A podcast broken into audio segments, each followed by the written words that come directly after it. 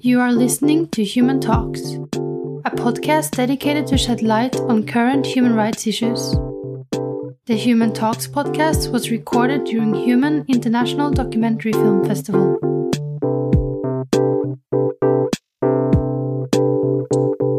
Det nye initiativet fra Fritt Ord sammenfaller med en økende bevissthet i det norske samfunn om at ytringsfriheten på mange måter er under press. Noe som også er en erkjennelse som ligger til grunn for den nye ytringsfrihetskommisjonen, som nå er nedsatt av Kulturdepartementet. En tidligere kommisjon, ledet av Francis Sejersted, avsluttet sitt arbeid i 1999 med en omfattende analyse av ytringsfrihetens rettslige grunnlag og fullførte sitt den gang klare mandat med å foreslå revisjoner av den norske grunnlovens paragraf 100.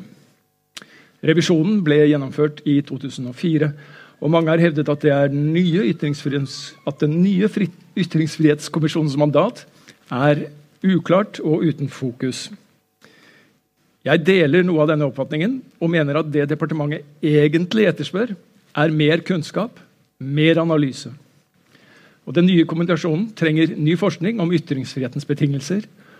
Og den trenger erfaringer og synspunkter fra særlig kompetente offentlighetsarbeidere som journalister, akademikere, kunstnere og ikke minst filmkunstnere. Den forrige ytringsfrihetskommisjonen grunnla sine anbefalte revisjoner av paragraf 100 på tre prinsipper. Sannhetssøken, det prinsippet som krever at vi ikke må hindres i vår kunnskapssøken, og at det er et grunnleggende vilkår for vår sivilisasjon at sannhet finnes og må søkes i åpen dialog med andre. Demokratiprinsippet, det som krever at vi må kunne delta og heve vår røst når samfunnet skal styres. Ytringsfrihet gir medbestemmelse og kan hindre undertrykkelse og urett. Det tredje prinsippet er prinsippet om den frie meningsdannelse. At hver og en ikke må bli utsatt for åpent eller skjult press, eller ha sensurerte medier eller systematisk feilinformasjon, og skal kunne innta en rolle som informert samfunnsborger. Ingen kunstform i dag synes mer egnet til å gå inn i disse prinsippene enn filmen. Sett i et maktperspektiv er film og audiovisuelle medier det dominerende mediet i vår tid. Og De tre regissørene vi skal lytte til videre, viser på fremragende vis i deres verk hvordan sannhetssøken, demokrati og meningsdannelse inngår i deres kunstneriske arbeid. På tvers av estetiske valg og dramaturgiske grep. Jeg ser veldig fram til fortsettelsen og gir ordet videre til Karsten Meinick, mangeårig redaktør av eh, Montasj. Vær så god, og takk for at dere har kommet.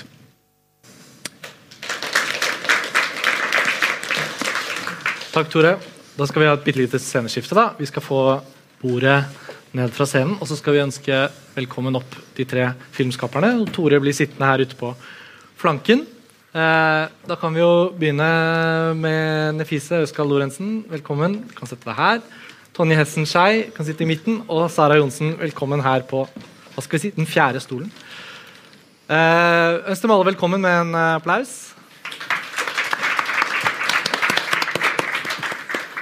Um, altså Da denne forespørselen om dette panelet uh, kom min vei, så tenkte jeg jo at dette er jo et veldig stort spørsmål som føles relevant og kontinuerlig oppe til en form for diskusjon. Men det slo meg umiddelbart at jeg tenkte er liksom norske filmbransjen aktivt i en form for sånn selvrefleksiv modus rundt konseptet om ytringsfrihet. Det tenkte jeg kunne være en interessant inngang. Og Overskriften sier jo filmskapere vurderer ytringsfriheten. Jeg hang meg litt opp i det verbet vurderer ytringsfriheten. Altså, vi, vi, tar den kanskje litt for gitt i et land som Norge, det kan man komme litt inn på. Uh, men å være i konstant diskusjon med både konseptet om ytringsfrihet og seg selv, og ikke minst da filmen man til enhver tid lager.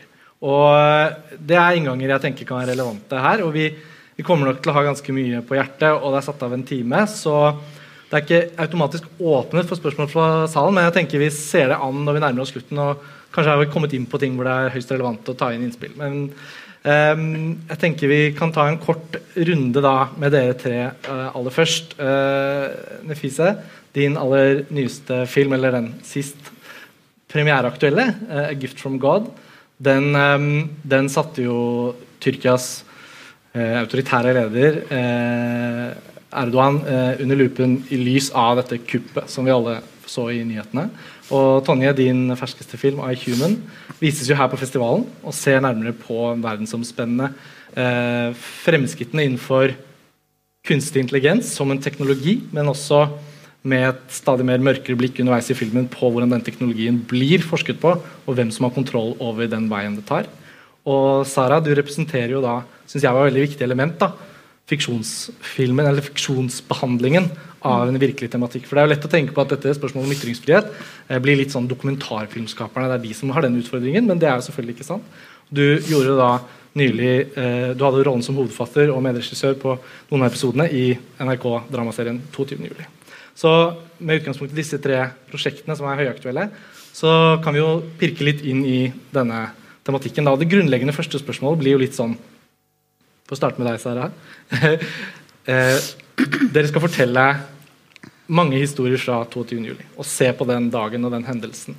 Og ganske tidlig i en sånn prosess kommer det sikkert veldig mange ganske sånn store spørsmål inn når du skal innta en sånn fortellerrolle der. Følte du på noe tidspunkt at du kjente på ting du ikke kunne si om det? Var du redd for det? Støte på ting hvor du tenker 'dette her kan jeg ikke si'? Mm, ja, altså eh, Pål Sletthaug og jeg, vi har jo laget det veldig sammen. Og Ja. vi, vi opplevde vel eh, noen sånne ting underveis, siden vi jobber jo med en virkelig hendelse. Og da var det mest i forhold til enkeltmenneskers eh, Hva skal jeg si eh, Altså beskytte enkeltmennesker da, som ville på en måte føle seg utsatt hvis de ble f.eks. fiksjonalisert eller skildret. Mm. Uh, f.eks. de to menn altså Det var jo to politifolk som sto på Utvika kai. Mm. Uh, som vi på, Der hadde vi sånne diskusjoner. Skal vi uh, dramatisere det på noen måte? Skal vi vise de? Og det, da, da det, så det var mer sånn Jeg vet ikke om jeg vil kalle det en ytring, ja, ytringsfriheten hvor du bruker liksom tenk, hensynsfullhet. da Mm. så det var veldig mange sånne ting som, som vi Men selve på en måte inngangen til prosjektet er jo også uh, vår idé om hvordan vi skulle lage den prosjekt, det prosjektet. Siden vi hadde jo egentlig fikk jo den ideen veldig tidlig. I, i 2012, faktisk. På, eller etter rettssaken. Og da var det jo på en måte Hele ideen er jo at man tar et skritt tilbake. Også, også fordi at akkurat på den tiden føltes det veldig eh, ufølsomt og hensynsløst å skulle være på Utøya eller å skulle liksom skildre det som liksom være der hvor ofrene var. da Så er jo det blitt gjort etterpå. Men, så det var jo på en måte en slags premiss for hele serien. En slags hensynsfullhet, eller hva man skal si. Ja. Ja. Vi skal bare ta kort en runde så alle får sagt litt uh, først. Så Tonje, går videre til deg. Um, det er kanskje noen her som også allerede har sett iHuman. Den vises jo på festivalen, men den har jo foreløpig ikke hatt kinopremiere. vanlig kinopremiere. Dere har hatt premiere ute i verden allerede. Den har blitt vist for FN. Dere hadde internasjonal premiere på IDFA i Amsterdam. Og du kom jo da fra en dokumentarfilm som heter 'Drone', som kanskje mange her har sett. Hvor eh, måte, den store fienden deres var CIA og alle de hemmelige eh, programmene dere da fant ut om. Og med alle tenker vel at når du lager en dokumentarfilm som involverer det amerikanske forsvaret og hemmeligheter, så høres det automatisk skummelt ut, og at det kommer noen truende elementer inn. Og så nå med iHuman så har du sagt i noen sammenhenger at uh, da var du på en måte så du nesten fram til å gå og snakke med selskaper som Google og Facebook fordi du regnet med at deres image utad, eller deres holdning til uh, f.eks. den teknologien, ville være å ønske å diskutere den. Men der møtte du en stengt vegg. Uh, kanskje litt mer generelt, da, på dette prosjektet, eh, opplevde du sånn som jeg spurte Sara da, altså, opplevde du noen steder hvor du kjente at dette her Nå får jeg ikke liksom tilgang til å si det jeg føler jeg trenger å si. Uh, ja, absolutt. Uh, og um, det er jo som du sa, altså, kan du si, arbeidet mitt så er jeg veldig drevet av å ta for meg makt og, og maktmisbruk. Uh, og etter jeg gjennom drona hadde vært opp imot CIA og The US Air Force, så var jeg liksom sånn Hello, Google, let's do this. uh, og det var jo fryktelig naivt. Uh, og, og den uh, arrogansen og makta og informasjonskontrollen da, som de store tekstselskapene har i dag, er jo noe som vi har vært oppimot gjennom hele produksjonen. Men noe som også etter hvert bare har gjort meg mer og mer bekymra og mer og mer provosert. da. Så det har jo også vært med å forme eh, filmen sånn som den er i dag. Eh, men altså, eh, det er jo samme egentlig hvor vi var og skulle filme. Så hvis eh, Gogo eh, var så å si i nærheten, så måtte vi sette ned kamera. Det var såpass eh, Ja. hard linje fra, Det, fra ja, deres side. det, og det er jo veldig bekymringsverdig når det er et selskap som så å si ja, har digitalisert eh, all informasjon om det som skjer i verden, og, og styrer altså De vet jo alt om oss. eh, og de, de vet hvem vi er sammen med, de vet hva vi gjør, hva vi tenker på, hva vi planlegger. Eh, så vi er jo under en slags total overvåkning av de tekstselskapene her. Og når da ikke er åpenhet eller ansvarliggjøring eller et internasjonalt lovverk for hvordan de opererer, så, så er vi jo opp imot eh, en ny type makt som vi ikke har sett før i verden. Jeg tror begge disse erfaringene er noe vi kommer til å komme litt mer inn på etter hvert. Eh, for å trekke inn deg også, Nefise, så er jo da eh, For de som kjenner dine filmer, og jeg har hatt glede av å se om ikke alle, så i hvert fall veldig mange av dem, og alltid tenkt på din inngang til dokumentar og, og tematikk som sånn, et møte mellom sånn veldig sånn poetisk og emosjonelt drevet nysgjerrighet, som ofte er ekstremt modig og villig til å gå inn i de verst tenkelige konservative strukturer og institusjoner som man nesten tenker at hvordan kan noen orke å gå inn i dette og, og på en måte angripe dette. Men, men ditt våpen syns jeg har ofte vært denne fantastiske evnen til å vise nettopp en sånn, fra din side, da, en åpenhet og en nysgjerrighet for og kanskje ønske om å forstå ting du ikke selv nødvendigvis identifiserer deg med. Og I din nyeste film så, så er det jo Tyrkia, da, ditt andre hjemland, for å si det på den måten, eh, som, eh, som gjennom da to- 2000- og 2010-tallet egentlig går gjennom På tross av å være ledet av en politiker som mange opplever at har autoritære trekk, så har det jo også kunnet se ut som om Tyrkia var på vei i en positiv retning. Så tok det en brå sving. Eh, mange fikk kanskje rett i sine eh, sine hva skal vi si fordommer ja, ikke sant, om at det er noe, det er noe muffent på gang. Og så kommer dette kuppet, som er så sentralt i den filmen din. Eh, vil du si på denne eller på dine andre filmer at du har kjent på noe av det samme som de beskriver? Sikkert på en annen måte, men det er mer sånn, er mer sånn direkte politisk, det du gjør i den siste filmen din. Mm. Eh, takk for de gode ordene. Eh, også eh, siste filmen, eh, Gift from God', og jeg har regissert det sammen med Jørgen Lorentzen. Uh, vanligvis de andre filmene mine, så jeg står som alene i regi. Uh, men det var ganske spesielt, fordi uh, vi trengte hverandre. Jørgen er både journalist og min produsent, så, så det er en veldig sånn gravende journalistisk arbeid. Og når det gjelder om og ytringsfriheten, og det vet alle som sitter i salen, at og det er ikke veldig mye ytringsfrihet i Tyrkia. Og det er stadig eh, arrestasjoner, og det er nesten halv mil eh, mennesker er eh, arrestert. Og det er, eh, Tyrkia er eh, det, et land som har mest journalister nå, som er i fengsel. Og uskyldige mennesker er i fengsel. Og alle er i en måte Hvis eh, noen kritiserer president Erdogan, så du vet at hvordan du skal bli stemplet, enten du er gulenist eller PKK. Også det, det fins ingen kritikk i dette landet. Og, eh, og det er 95% av eh, media som er også styrt av eh, Erdogan. Og hvis folk ser vanlige medier i Tyrkia, så de har ikke veldig mye informasjon, kritisk informasjon hva som skjer. Og det er en veldig fin måte å hjernevaske og, og hvitvaske. Eh, etter denne filmen, etter at vi har gjort denne filmen Denne filmen er egentlig ikke premiereklar. Vi har hatt premiere i september eh, i Oslo.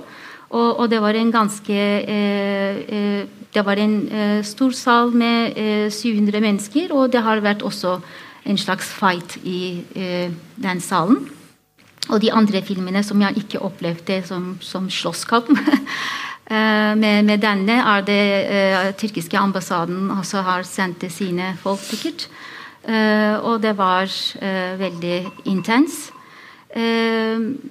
Så vi er veldig opptatt av å skape kommunikasjon, og det er det den filmen. Og, og, og verken jeg eller Jørgen vi tilhører ikke til noen steder.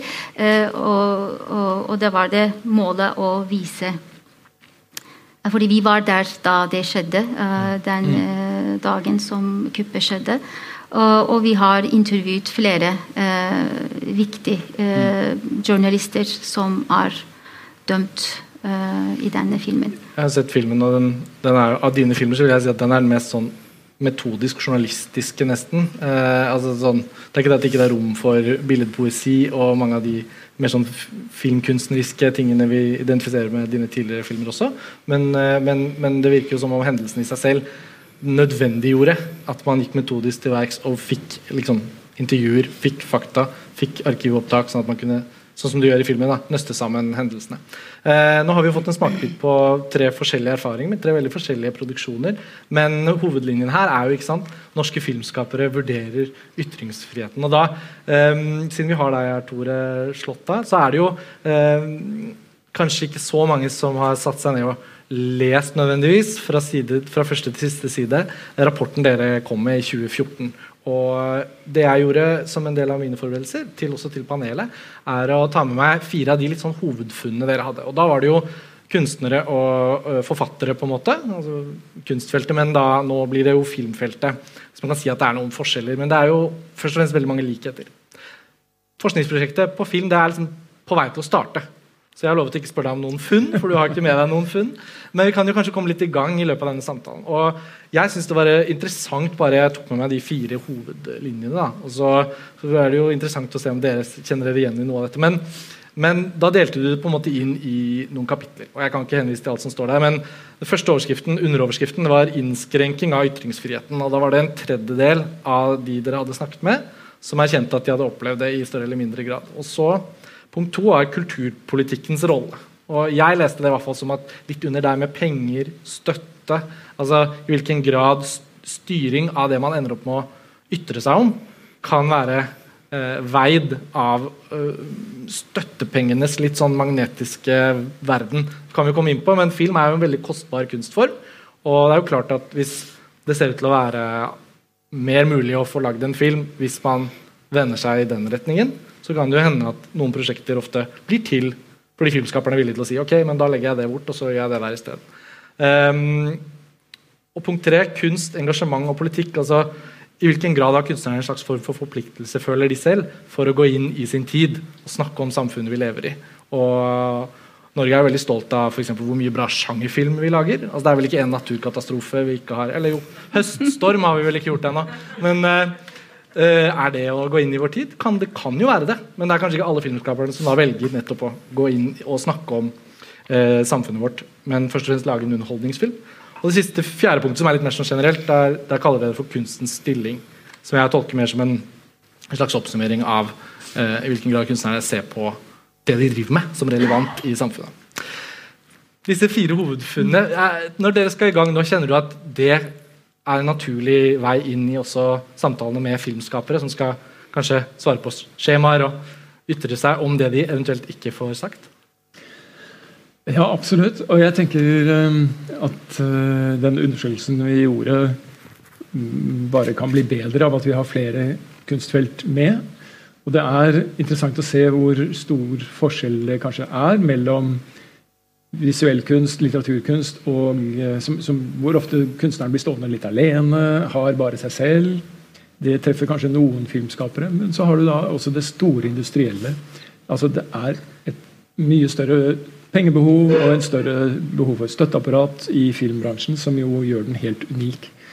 Men jeg tror likevel at um, når det gjelder um, uh, si, den problemstillingen som, uh, som, vi forsøker å få tak i da, og belyse, Nemlig om, eh, om, det er begrensninger der, og at eh, man kommer dit, men ikke helt dit man ønsker. Og at, eh, at det er viktig å få fram og belyse. Og altså Forskningen har sine begrensninger, den også. Så mm. vi spør jo. Vi ber om å få svar på noen spørsmål. Og så har vi heldigvis tenkt å gjøre noen kvalitative oppfølgingsstudier som har mer casepreg, hvor vi kan få tak i en annen type og mer dyp informasjon. Men, eh, men surveyen gir oss et, eh, et, veldig nyttig verktøy til å egentlig forstå de institusjonelle betingelsene i kunstfeltet Mm. i, i lys av de svarene vi får. Når du hører dette, Sara, eh, i forhold til en sånn undersøkelse som skal i gang, da, eh, bare sånn helt løst ut ifra de begrepene som går litt gjennom luften her nå, er det noen sånne mekanismer fra filmbransjen som du umiddelbart føler at det der har jeg kjent på litt, eller forholdet mellom Du er jo også forfatter, og ikke sant, det å skrive en bok, uansett hvor vanskelig det selvfølgelig er, har jo kanskje mindre ressurskrevende elementer ved seg i form av rene penger enn det å lage en spillefilm. Du har jo laget flere av dem. Jeg, jeg bare vet ikke om jeg er helt enig i at jeg vil definere det til noe som går under ytringsfrihetsbegrepet. Nei. Fordi jeg føler at det handler egentlig om noe annet. Men jeg er ikke smart nok til å formulere det på en god måte. Jeg liksom tenker, det er jo noe som er altså Du har jo ikke på en måte en ytringsrett. Og det er når du jobber med film. Du kan jo kjenne på det at du blir jo begrenset av det økonomiske. Ehm, fordi folk vil ikke putte penger i noe som ikke de tror at folk vil se. Så det er jo på en måte en slags begrensning av min mitt Kanskje hvis jeg har lyst til å lage en film om noe sære ting som skjer i barndommen, eller et eller annet sånt som nei, det, er, det kommer ikke opp på kino engang. Men det er jo på en måte ikke en begrensning av min ytringsfrihet. Det blir liksom for For meg så blir det blir det rart å bruke det begrepet på den måten, da. Eh, egentlig. Jeg tenk, tenker, men det er spesielt i, i filmfeltet. Da, Mm. At du er, ofte ender opp i situasjoner eller Det er en del av uh, å være filmskaper. At du Mm. forhandler på det estetiske uttrykket i, i, i løpet av prosessen. Både Mm. med en produsent, kanskje, og med eh, i og for seg helt naturlig med en fotograf, klipper. og det er team der, men det er også finansiører, og det er ikke minst kanskje i sluttproduksjonen en distributør der. Noe, men, men det er så ikke så NRK mystisk. Det handler mer om liksom hva, ting som ikke blir forstått, hvis du skjønner. Mhm. Noen sier det der var kjedelig. Det var utrolig kjedelig, det må dere ta bort. Mhm. Det er på en måte Det er jo noe helt annet det du opplever, eller det dere opplever, som er på en måte i en, en kamp om å få lov å, å, å, å si noe om virkeligheten. Mens eh, vi jobber jo ofte med ehm, med, det, er no, det er noe annet, på en måte. Så jeg, jeg Men et av de spørsmålene vi stiller, da, et av de spørsmålene vi stiller er eh, om hvilke hensyn du har tatt. Så Vi ser jo Mm. det som en måte som du tar inn over deg hva samfunnet på en måte Ok, hva kan ikke vises, hva kan vises? Men, Mm. men samtidig så er det jo eh, tenker at en, ting som forener dere, er at dere på en måte ja, Det blir jo kanskje litt vanskelig i ditt eh, prosjekt, men, men at det er eh, et varslingselement i mye av det som gjør dere til filmskapere. Altså at dere har noe et sterkt engasjement for en sak, at dere vil fram med et budskap. Um, og det ligger jo også en sterk intensjon i 22. juli-filmen om, om å lage et, uh, et, en film som oppfyller en eller annen funksjon i, i det norske samfunnet. Da, I hvert fall, tenker jeg veldig tydelig. Absolutt. Veldig. Men jeg opplever ikke at jeg eller, eller for meg er det ikke naturlig å bruke begrensning av ytringsfrihet i den prosessen jeg har vært med i den serien. Det føler jeg nesten er å måtte eh, Det blir litt sånn rart å bruke i forhold til det de opplever. Fordi selv om jeg har jobbet i et system og jobbet med sjefer og sånne ting, så, så har det jo aldri vært sånn at dere kan ikke fortelle om dette. Men hvis vi sier jo men det her skjedde, så ville ikke liksom Ivar kunne sagt nei, men det kan vi ikke vise. Fordi det er ikke sånn det er, på en måte. Men var det nye ting Nå tar jeg litt Nei, Men, altså, eh, Var det nye ting som oppsto? Altså, det kan hende at dere kom over informasjon som dere følte var lite belyst, som dere hadde lyst til å få fram, som ikke var godt kjent, og hvor dere måtte vise hensyn både til den som ga opplysningen, og de som skulle omtales. Det er det jo. Men det er jo på en måte det som er grepet vårt, er jo på en måte å fortelle via eh, de som Altså, vi er ikke liksom hjemme hos Vi er ikke med Breivik og familien hans på og prøver å illustrere det som skjer. Men vi er sammen med journalisten som skriver om det og oppdager det. Så det er jo på en måte grepet vårt. Så Nei. Jeg må tenke litt mer på om jeg kommer på noe ord eh, så det, det er jo mange hensyn å ta fordi det er en sann historie, og mennesker var involvert. Så vi har jo på en måte alle sykehistorier eksempel, som er på sykehuset. Vi har passet på at eh, det er ingen som skal kunne kjenne seg igjen, så vi har jobbet kjempenøye med alle journalskrivinger. Altså, vi har hatt det som på en måte alle skuddene skal være realistiske, men det er ingen som kan si det var meg som kom inn der. Men jeg tenker liksom Det er ikke noe Det handler om hensyns... Altså, det handler ikke om ytringsfrihet, på en måte. For meg, da. Jeg synes Det er veldig eh, interessant at du trekker inn det at det er jo en, faktisk en refleksjon rundt det begrepet også. Og, og jeg sa det litt på et, eh, et sånn forberedelsesmøte med festivalen rundt panelsamtalen. Så tenkte jeg litt at en ting som nesten er litt sånn skummelt å tenke på, er jo at vi Eller jeg tenker på vegne av min generasjon, da, bare for å si det sånn, så tenker jeg at vi vi har jo nesten begynt å ta det litt for gitt. Og jeg føler liksom ytringsfrihet og problematikk rundt det, det er jo, det er jo noe jeg har veldig respekt for at kan oppleves uh, enten i andre land eller i andre kunstformer. ikke sant? Eller at man føler at liksom, jo, men vi har våre problemer, men, men de er ikke det. Uh, og, og, Tonje, for å gå til din dokumentarfilm, da. Um, eller dine prosjekter, som alltid har en sånn veldig sterk forankring i det jeg opplever som en ganske sånn stor tematikk. Det blir ikke liksom typisk norsk tematikk, hvis man skal si det sånn. da, At uh, forholdet mellom teknologi og hvilken rolle det spiller i våre liv, det er jo så relevant rundt omkring i hele verden. Og opplever du at de prosjektene du har villet lage som norsk filmskaper, da, til enhver tid har vært mulig å realisere, fordi du er en norsk filmskaper som jobber etter, liksom, i et norsk styresett hvor man prøver å legge til rette så godt det er mulig da, til mm. at folk kan ytre seg og få laget filmene sine. Ja, altså nå har jo jeg bodd i USA i 17 år til sammen og har jobba lenge der med uavhengig dokumentar. og jeg er jo utrolig takknemlig og føler meg veldig privilegert uh, for uh, det systemet vi har her i Norge, som gjør det mulig å få støtte til å lage politisk dokumentar på uh, et internasjonalt nivå. Da. Og da er jo altså, systemet vi har i NFI og i Fritt Ord, har jo hjulpet meg enormt. Mm. Så, og med Humans var vi også med i Nye Veier, så vi fikk jo støtte og rom til å eksperimentere eh, mer kunstnerisk enn eh, hva jeg har gjort i andre filmene mine. Mm. Um, men det er også, også klart liksom, at vi merker jo i bransjen uh, at det kan være utrolig vanskelig å få f.eks. NRK eller TV 2 med på laget hvis det ikke du sjekker av alle de riktige tingene i kulturtesten i forhold til norsk innhold, norsk karakter. Mm. Det skal være uh, laga for et norsk publikum.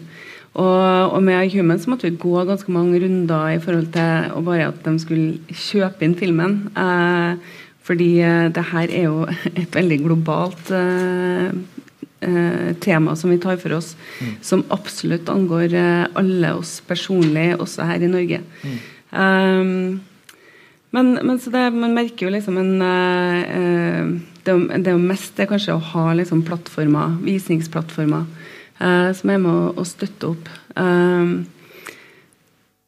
men altså, for meg personlig uh, som regissør så, så, føler jeg meg liksom, utrolig bra støtta her i Norge. Mm. Og for meg så er jo det et privilegium som også kommer med et ansvar i forhold til filmene jeg lager. Mm.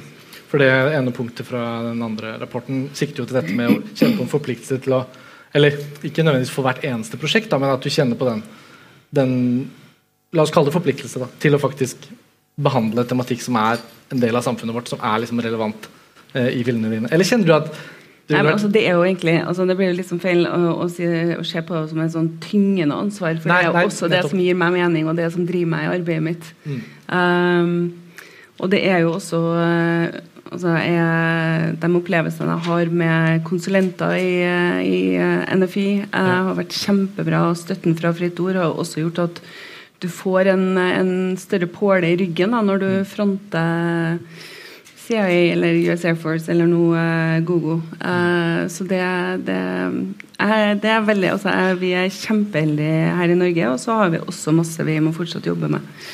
Uh, Nefise, dette begrepet om ytringsfrihet, sånn som Sara Johnsen beskriver det, som en litt sånn delt opplevelse. Dette er ikke nødvendigvis noe som sånn som du sa det da, Jeg er usikker på om det er riktig begrep for det jeg opplever. Men det blir jo ekstremt nesten skremmende relevant hvis man ønsker å jobbe med fortellinger i, fra om det tyrkiske samfunnet da, og, og, nettopp det du beskriver med erfaringen din fra filmen din. Eh, hvis du kan trekke liksom, det norske, norske forhold inn i den problemstillingen for din del, da, i hvilken grad føler du at eh, din frihet som filmskaper er fri eh, i Norge, og når du tar det steget inn i den tematikken? Um, uh hvis jeg bare går tilbake til 9-11, og da er det jeg ønsket å lage triologien om islam og kjønn. og det var ja, ganske mange år siden. og, og, jeg har begynt å jobbe med islam og homofili, og jeg har pitchet prosjektet til forskjellige plattformer i Norge. Og det var jeg som en eh, filmskaper med innvandrerbakgrunn, og, og, det er veldig relevant tema til meg, islam. Eh, jeg, ikke, eh, jeg, er ikke lesbisk, men jeg, er, jeg, kaller meg som en genderaktivist. Og uh, i disse pitchene så jeg har opplevd at jeg hadde ikke egentlig plattform. Fordi det er en ting som med norsk retorikk som vi hører, som heter norsk virkelighet. Og der TV 2, NRK eller alle de institusjonene er veldig opptatt av det.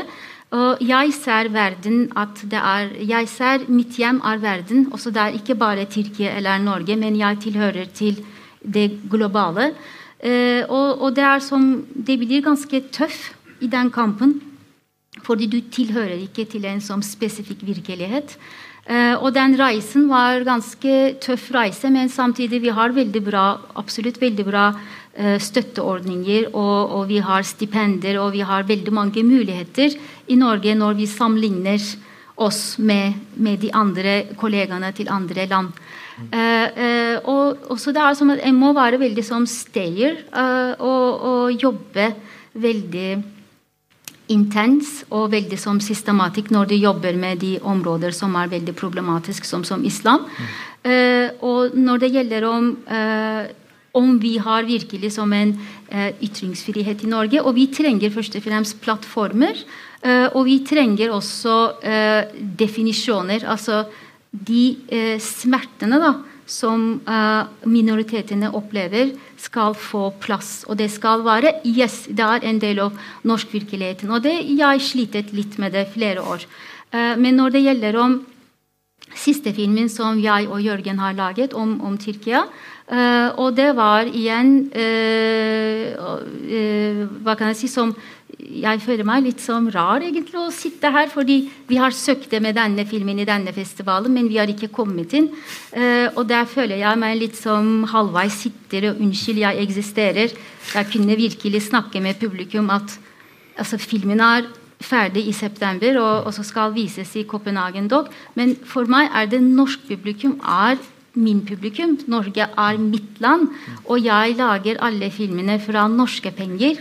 Og jeg bruker pengene til norske folk. Og jeg vil gi det videre. Og det er en, den gi det videre-følelsen er veldig sterk for meg. Uh, for å uh, for, også, Jeg tenker at jeg er ganske sta. Jeg har en veldig, veldig bra team. Uh, både produsent og, og regissør og klipper og foto, og jeg føler meg veldig sterk pga. de menneskene som jeg er med. Mm.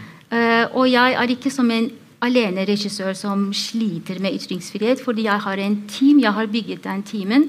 Uh, og vi skal klare å gjøre mange ting. Men, men, det er veldig viktig å ha plattformer og tilhørighet. Og viktigste for meg at uh, f.eks.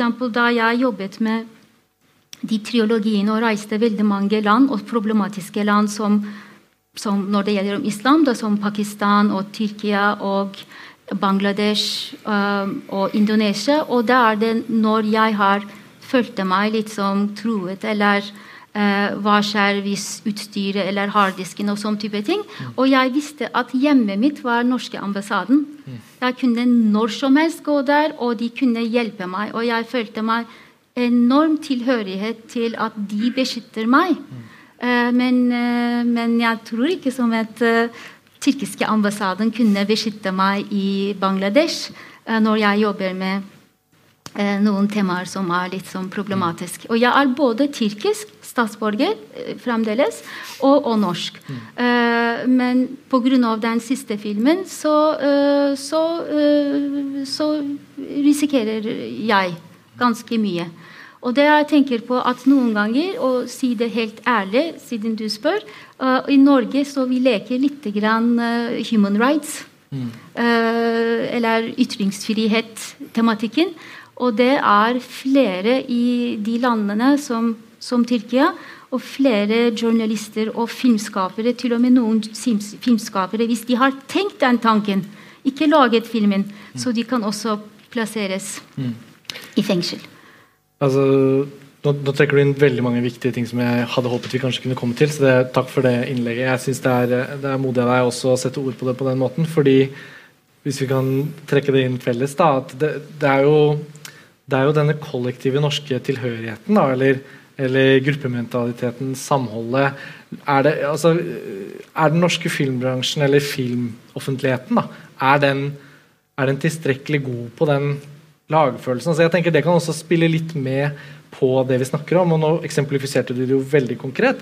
Alle prosjekter er jo ikke like liksom, flammende politisk ute i verden, slik som din nyeste film. Men jeg tenker ofte på det, og, og det er et sånt element som kanskje forhåpentligvis kan dukke opp i en undersøkelse da, eller en forsknings... Fordi man er jo avhengig av de gode menneskene rundt seg når man lager film. Det er veldig få som kan lage film helt alene. Og du setter jo veldig fint, og jeg vet at begge dere også da, Du snakker jo om det nære samarbeidet med Pål Sletteine på 22.07.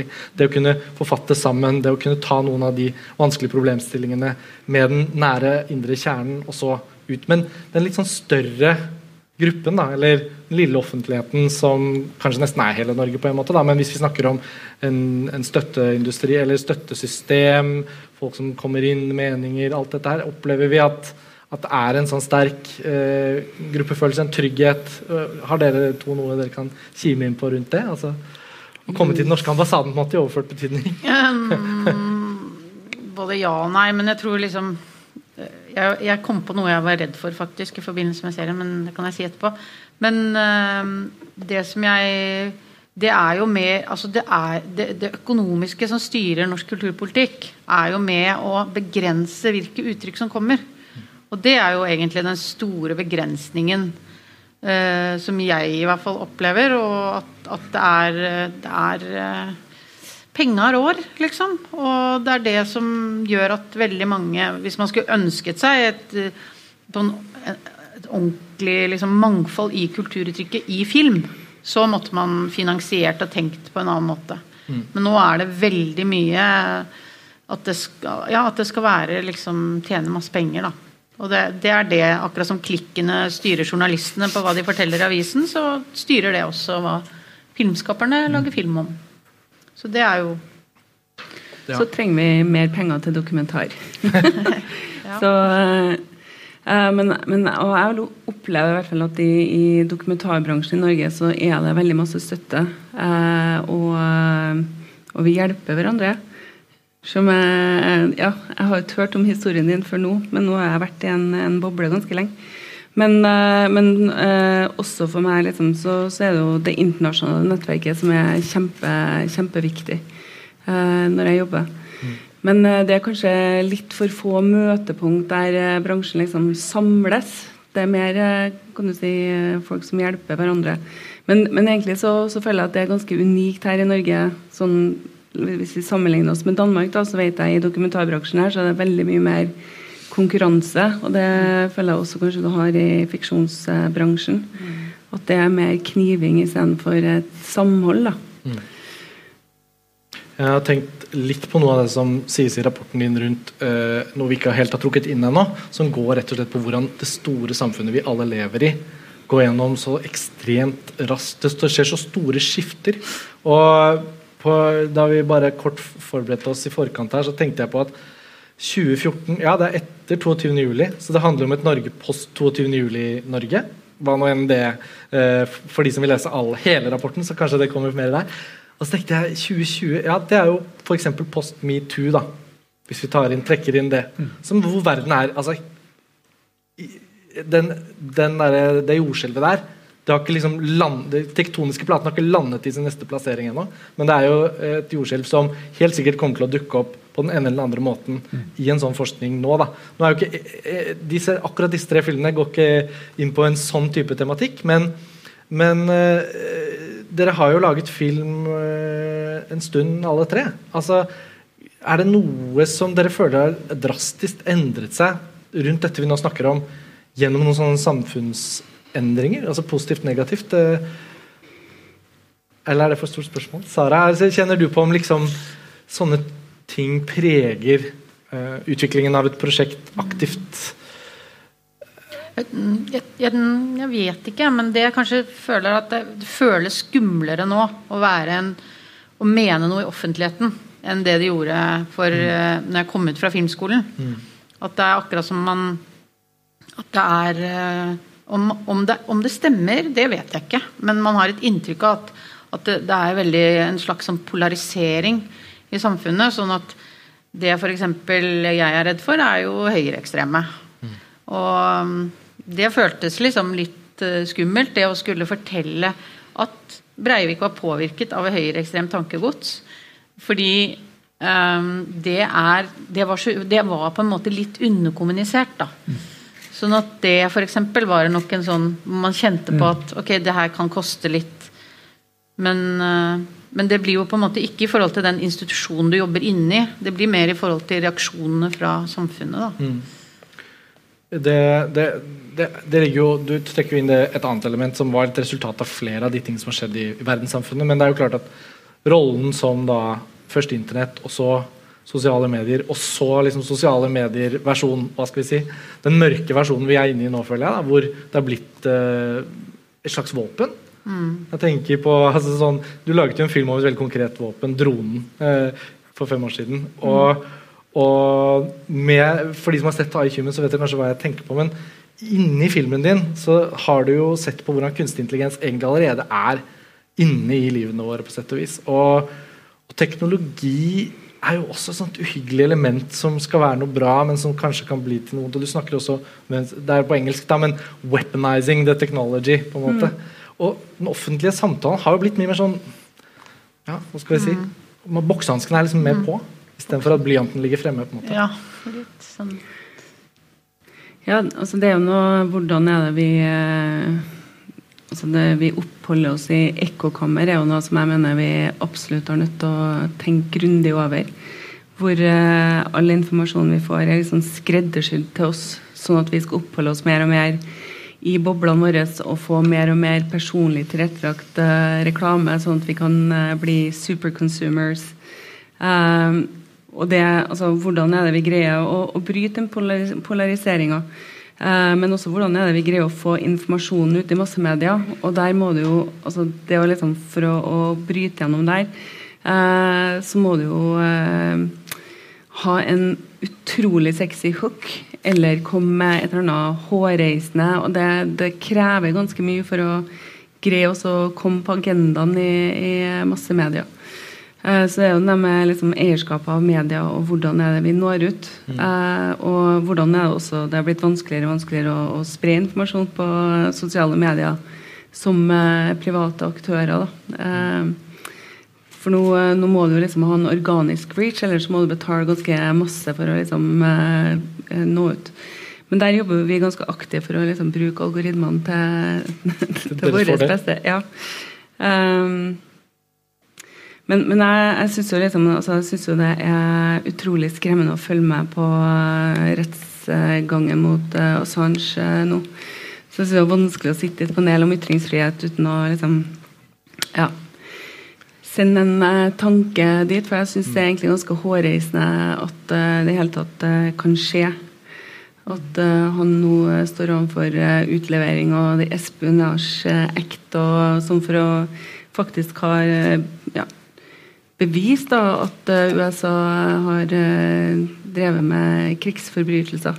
Mm. Og at det skal straffes. Men og også i forhold til, til, Snowden. Liksom, hvordan er det vi behandler folk som faktisk da kommer ut med informasjon mm. uh, som er med å forandre verden og gjøre det til en mer kan du si, rettferdig plass. Sånn, jeg skal ikke gå inn på Assange, for det, det han kan du si mye om. Men akkurat det som skjer nå, og i forhold til hva det vil si om ytringsfriheten eh, vi har i dag, det syns jeg er viktig. Mm. Det er jo ingen tvil om at vi er vel kanskje enige om at det er ganske gode forhold i den norske infrastrukturen for å, å få filmer frem og få de lagd, og at man har, gjør så godt man kan med dette lille byråkratiet for å legge til rette. Men så, som alle dere føler jeg setter ord på, så er man jo del av en stor verden. Du sa det jo rett ut, at vi er jo medlemmer av et globalt samfunn nå, og alle disse tingene vi nå snakker om med tilhardning av kommunikasjon og sånn, det går jo også uh, utenfor grenser av landegrenser nødvendigvis. da. Uh, og Nefis, jeg må liksom tilbake til føler jeg, noe av det du sier om, om nettopp den kombinasjonen mellom den verdenen og den på en måte trygge havnen. Eh, og vi kommer jo inn på dette med, med, kommunikasjon og det å få filmer ut. Altså, du snakket jo om det at ja, i visse tilfeller så er det jo da en festival eh, som sier nei til en film. ikke sant? Og Det, det er jo et eksempel, men det, det er jo mange portvoktere i forskjellige former. Og noen av dem kan være en algoritme som sier nei. Det innlegget ditt på Facebook blir ikke synlig for vennene dine, for vi har funnet ut at det står noe der som ikke vi vil at skal eh, Og andre ganger er det helt konkret hvor trakassering i sosiale medier som jeg vet du har også opplevd, eh, kommer din vei fordi du har vært ute og vært filmskaper. Hva er dine tanker rundt liksom det? Altså, ikke bare å få laget filmen, men også få den Mm. Uh, også, uh, jeg tror jeg er først og fremst aktivist. Også jeg, uh, jeg har valgt å gjøre film. Jeg har liksom en del kreativitet og alt mulig, men jeg tror alle har det. så jeg har valgt å jobbe med film, fordi film du kan virkelig gå videre. Du kan virkelig komme til mange mennesker. Men egentlig hvis det var dikt, da, at jeg kunne komme til mange mennesker Jeg kunne foretrekke å skrive dikt men det ble film. Så, uh, og de filmene uh, altså For meg er det uh, og Selvfølgelig vi lever med sosiale medier og masse og Hvis du lager en ting og folk ikke er enig, så kommer masse tekster.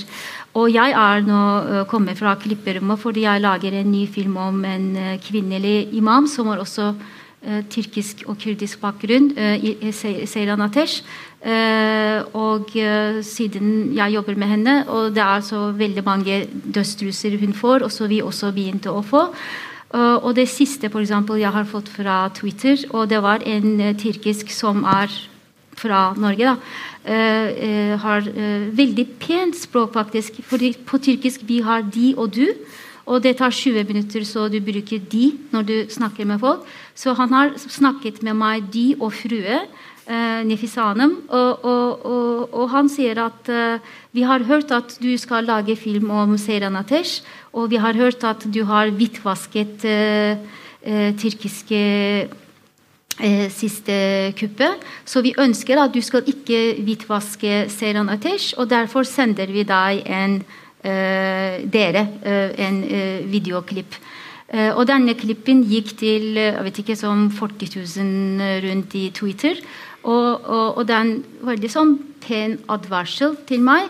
Men alle de andre som står under, da, så er det veldig mange ord uh, som er veldig Så jeg føler meg uh, Jeg har virkelig utviklet uh, min vokabulær om fitte i mange forskjellige språk.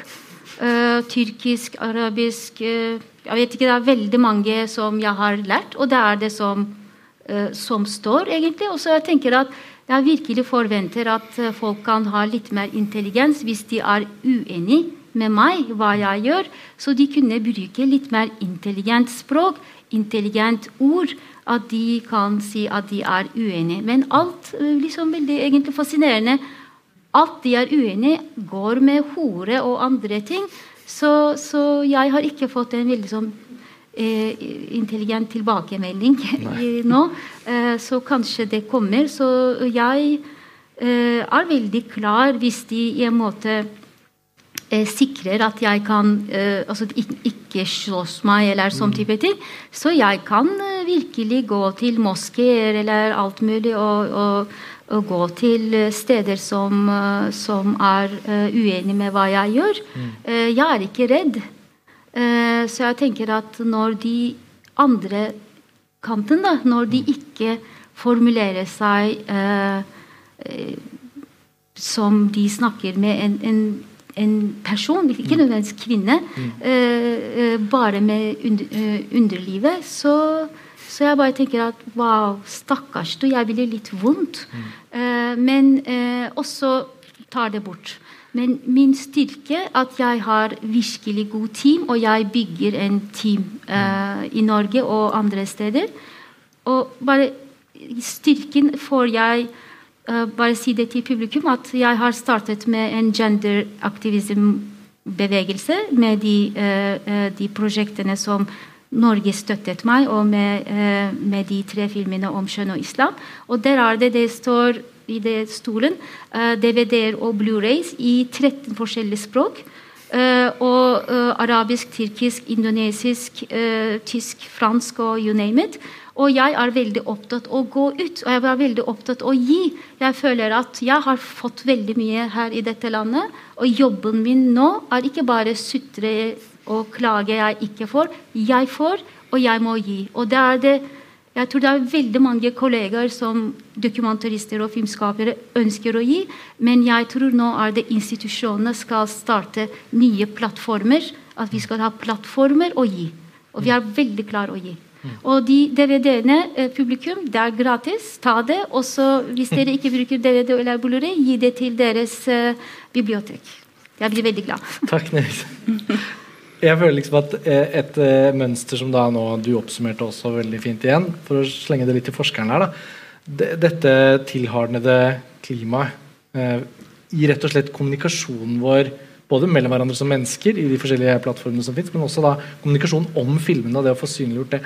Så dere mønsteret på dette også forrige gang, altså for fem-seks år siden, eller er dette noe du anser at kanskje kan bli mer synlig i dette prosjektet dere går i gang? Jeg tror det blir veldig mye mer synlig. Mm. Ja, absolutt. Jeg tror uh, det er blitt uh, mer mainstream å sitte alene og sende møkkameldinger. Uh, og være altså, Man mistenker vel for at dette er mer organisert nå enn det var før. Altså at det er det var, det var regnstøingene som kanskje lagde noe før, mens nå er det faktisk et system i galskapen. Og det er litt ubehagelig. Jeg tror det har sammenheng med det som Sara sier, at det er en, det er en politisering der ute. Det er noen som har interesser i, i det. Ehm, jeg tror kunsten og kulturelle uttrykk i, i, hele verden, og i Europa også, er blitt ehm, i økende grad politisert. Og at man ser ehm, delvis autoritære regimer tilta seg nye posisjoner og bestemmer mer over kulturlivet. Setter sine egne folk inn i, eh, i fjernsynskanaler og i, i, kunstinstitusjoner, i filminstitusjoner. Og det er, det er en ny uh, oppskalering av hva som foregår. Mm. Og da Fremdeles er vel Norge å regne som en, uh, en privilegert øy. Uh, men vi har jo partier her som ikke, ønsker å ha, eller som ikke har en kulturpolitikk, og som ikke ønsker å finansiere kunst. Mm. Det er klart det, de har en interesse i å um, ikke skape behag for de som skaper kunst. Mm. Vi, har jo, vi, har jo, hatt uh, hva skal vi si, Den norske filmskolen, hvor du var i det første kullet. Hvis vi, sier, vi teller fra årtusenskiftet frem til i dag, da, så har vi egentlig hatt 20 eller to tiår med en oppblomstring i norsk filmbransje fordi det har blitt bevilget mer penger, og det har kommet flere institusjoner på banen. altså Fritt Ord, som er en samarbeidspartner om dette arrangementet, har jo vært en viktig aktør i å liksom forløse, være en sånn tilleggsfinansiør på, eh, på, alle mulige prosjekter egentlig som er relevante for dem. og da, da, ser man jo liksom også hvordan det da blomstrer. og Så er det jo liksom en fare for at vi ikke helt kan ta det for gitt, det heller, da, selv her.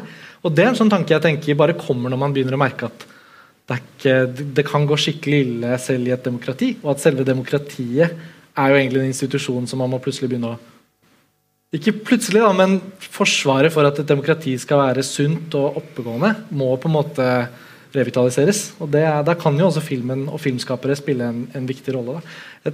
Vil, vil vi, hva, hva, ville norsk filmbransje sett ut uten, uten 600 millioner i år, eller hva det er? altså hadde man, ja, jeg, jeg, lurer noen gang på det. Vi har nesten ikke noe independent-film i Norge. Men, men det er kanskje, du må si, stoppe meg hvis det er for fordi Apropos ytringsfrihet, så noe av det som var interessant med 22. juli-prosjektet, det var jo egentlig for meg, som kommer fra eh, filmbransjen, det var jo å se hvordan folk som jobbet i institusjonene, følte at de ikke hadde ytringsfrihet. Mm. Og Jeg var senest for uh, fire dager siden på et møte på Ullevål sykehus. Og det er leger og sykepleiere og sånn som føler at de ikke har full ytringsfrihet innenfor, en, innenfor, et sykehus, f.eks. Så at de kan miste jobben på en måte hvis de sier ja, du, noe? Du, du får ikke jobb hvis du, hvis du, er misfornøyd, sier noe på et møte. Er, det er liksom helt sånn Hæ, er det sånn det her? Altså, det mm. høres jo veldig rart ut, men mm. har jeg fått det fra så mange forskjellige, så, så at det er, ikke, altså det er ikke nok ytringsfrihet i Norge sånn i de forskjellige institusjonene.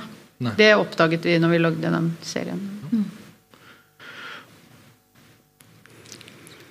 brant du med. Jeg følte kanskje du hadde lyst til å si noe, Tonje? Gjorde du det? Ja. Ikke? Eh, Så jeg sånn ut? Eh, nei, altså, jeg kan gjerne si noe. Ja. Um, altså, det, det er jo én ting som, eh, som jeg kanskje har følt veldig mye på når vi holder på med Human, og med alle de algoritmene som styrer ting, og som uh, f.eks. bestemmer hvordan filmer Netflix skal kjøpe inn. og alt sånt her. Altså det, det som er faren her, er jo at vi beveger oss mot en mer og mer monokultur. Hvor ja. vi ikke får fram det rike mangfoldet av stemmer som, eh, som må være løfta for at vi skal ha et uh, sunt demokrati. da. Eh, og det er, jo, det er jo ganske interessant sånn i forhold til lanseringa av Human nå, så har vi jo masse interesse fra festivaler og TV-stasjoner og også kinodistribusjon i Europa. Og i USA så er det helt stille. Uh, og der eh, får vi jo høre liksom, fra de store plattformene at uh, de er på utkikk etter light entertainment. Og det, det kan du jo forstå liksom, at de, de trenger i, i USA eh, for tida. Så deres dystopiske visjon om hvordan kunstig intelligens skal ta over hele verden, er ikke ansett som lett? Ja, nei, eh, jeg synes det, jeg synes Bare legg Terminate på bordet. Nei, altså det er bare, Nå har vi jo nettopp begynt, men det har vært uh, veldig interessant uh, så langt. altså. Men, uh, men det å, å være i USA nå er jo også bare Det er jo helt absurd, det som, som skjer borti der. Og nå ser det virkelig ut som vi går mot eh, fire nye år. Så ja, ikke for å være dystopisk, men Men det er jo en, en eh, kontekst som nesten er ubegripelig. altså Det at det kanskje foregår en Den kom ikke helt fram i filmen din, men jeg tenker at USA her konkurrerer med Kina om, et, eh, om å være kontrolløren av AGI. At det er en kamp på et høyere plan som for lengst er i gang. Ja, nei, det, vi står jo overfor et kjempekappløp. Og jeg tror det var jo Putin som sa at den, dem som styrer AI, vil, eller KI, da, som det heter på norsk, eh, vil styre verden. Eh, og, og Kina kommer jo i rasende fart. Eh, og der er det jo helt andre verdigrunnlag og, og forhold til ja, etiske vurderinger som, eh, som ligger til bunn. Men uh, så ser vi liksom hvordan, hvordan er det, det her nå begynner å spre seg, og at vi kanskje ikke er så langt unna her i den vestlige verden også, da. Vi startet fem over halv cirka, og vi nærmer oss nå vår oppgitte tid. Så jeg tenker hvis vi, hvis vi nå beveger oss over i den aller siste fasen, så er det naturlig å kanskje se litt, se litt på helheten i dette, men kanskje også se litt fremover. Og uh, i hvert fall dere to vet jeg at jobber på konkrete prosjekter nå. Eh, hvis du har noe å si om et prosjekt du jobber med, så må du gjerne trekke det inn. Men jeg tenker, eh, en ting er jo filmene dere da, eller pro pro prosjektene dere er aktuelle med, men noe annet er liksom det å jobbe seg videre inn i en, en ny produksjon eller et ny film i dette klimaet vi litt beskriver nå. Da. Bare for å fortsette med deg, Tonje, når du er i gang. Eh, din neste film har jo akkurat blitt eh, litt sånn offentlig gjennom at den fikk en bevilgning. Eh, 'Hallelujah'. Eller hvordan sier du det? Halleluja Nei, Halleluja. du, du kan, eh, du kan eh, prøve Hall- forskjellige halleluja. for Eh, kan du si litt om hva slags prosjekt det er, og i hvilken grad det er Ja, er relevant for det vi snakker om her? Jeg eh, jeg kan ikke si så mye om det. Nei. Eh, men men eh, vi går jo inn i, eh, i makt, religion og politikk. Fra kunstig intelligens til Gud. ja, ja eh, det kan du si. Mm. Men ja. Så det blir ikke noe mindre sånn global, stor, stor tematikk denne gang? Nei, Nei. Det, det gjør det absolutt ikke. Og det har allerede vært eh, en veldig veldig spennende prosess, og jeg gleder meg til å ta fatt på det. Og bare kort om det vi da snakker om. Opplever du at du kan gå inn i denne produksjonen, du er sikkert allerede inne i den, da, med Mm. like stor grad av følelse, trygg følelse på at du har At her hjemme i Norge så har vi hverandres got your back, liksom, i forhold til det å kunne uttrykke seg fritt og jobbe fritt? Jeg håper, jeg håper jeg kan si det om, om, fem-seks år. Nei, det kommer til å kanskje ta så lang tid. Men eh, nei, det her eh, Det er jo et minefelt eh, vi beveger oss inn i. Mm. Så ja. Ja. Lykke til. Tusen takk. Du nevnte jo prosjektet du jobber med, og hvis vi kan utvide det litt til videre fra det du beskrev i stad. For de som har sett filmene deres, så vet du at forholdet mellom islam og, og en form for reformvennlig bevegelse, da, eller en progressiv bevegelse, um, er jo ser jo ut til å være en tematikk som kan stige ut av dette. Er det mer et portrett av henne, eller er det en større, større linjer du tenker å trekke opp? Uh, dette er portrett av Seyran Atesh, som er kvinnelig imamen i Berlin. Mm. Uh, men uh, jeg har reist med henne flere land, og, og f.eks. også i China, som har, Kina, som har, som har hatt kvinnelige imamer de siste 300 året. Og hadde vi veldig interessante erfaringer, så det kommer i filmen. og det er når det gjelder om ytringsfrihet med det nye prosjektet. Og det er eh, ja, det er ganske mange begrensninger. Det er uten tvil. Og, og denne prosjektet også basert på hennes konsept som ikke ja, Kanskje de forrige filmene mine var det handlet om islam og reformasjon og eh, skjønn, men i dette prosjektet med hennes eh, også portrettere hennes tanke, eh, og det er det eh, som boka hennes faktisk oversatt til norsk, som heter 'Islam trenger seksuell revolusjon'. Mm. Så, så, det blir eh, Ja, jeg kan utvide min eh, sikkert eh, vokabulær når det gjelder om underliv. ja. Dere får holde hverandre i hendene inn på det, mine, inn på det minefeltet. Ja. Um, uh, hvis det er noe uh, nytt prosjekt på gang som du kan si noe om, Sara, er det noe du har lyst til å tilføye til det vi det vi har mm, liksom, oppsummerende ordelag? Mer kanskje at jeg føler altså, Det jo det føles jo også veldig sånn stort ansvar når man lager en film, eller fordi man faktisk får tilgang på å ytre seg til en offentlighet. Og at uh, for eksempel, når jeg var på det møtet på Ullevål, så skjønte jeg til slutt Det de egentlig ville, var at jeg skulle lage en ny film om fusjon på Ullevål. Fordi de følte det er ingen som hører på oss. Men dere kan dere klarer så tydelig og, og liksom når ut til masse mennesker. Mm. Sånn at uh, det er um, Det er jo på en måte det alvoret da som, som selvfølgelig har med ytringsfrihet også å gjøre. At du, du, du, har på en måte en mulighet da som veldig mange ikke har. De kan sitte og trolle på nettet, men de, de får ikke lov å, å, vise noe til en million mennesker. Så, mm. så det er jo en, en, ting som jeg tenker på. da. Mm. Jeg tenker at i det, altså, Dere er jo alle utrolig seriøse da, og mm. tar alvorlige problematikker. Jeg tenker at uh, For uh, samfunnets del så er det usedvanlig viktig at det blir debatter rundt filmene deres. Og at det mm. kommer uh, noen som ser dere, og som snakker om dere og tar dere inn i en større offentlighet. Og Det fortjener dere virkelig. Og jeg syns det er fantastisk å høre på dere. Jeg, det er et privilegium da, som forsker å få lov til å vasse inn i dette, egentlig. Så. Får håpe at dette har vært en sånn bra start. da, At Absolutt. hjulene nå er i gang. Absolutt. At vi har hjulpet det på gang. Eh, vår tid er omme. Jeg synes du oppsummerte det fint. Takk for alle fine refleksjoner, åpne og ærlige innspill fra dere i panelet. Eh, takk til lydhøre publikum. Beklager at det ikke ble tid til spørsmål fra salen, men det var, et, eh, var mye som skulle bli snakket om eh, på kort tid. Eh, takk for meg, takk til festivalen. Og for alle som ikke ennå har vært på Human og sett masse film, så har dere i dag og i morgen og søndag. Ja, så oppfordrer vi til det. Tusen takk, alle sammen.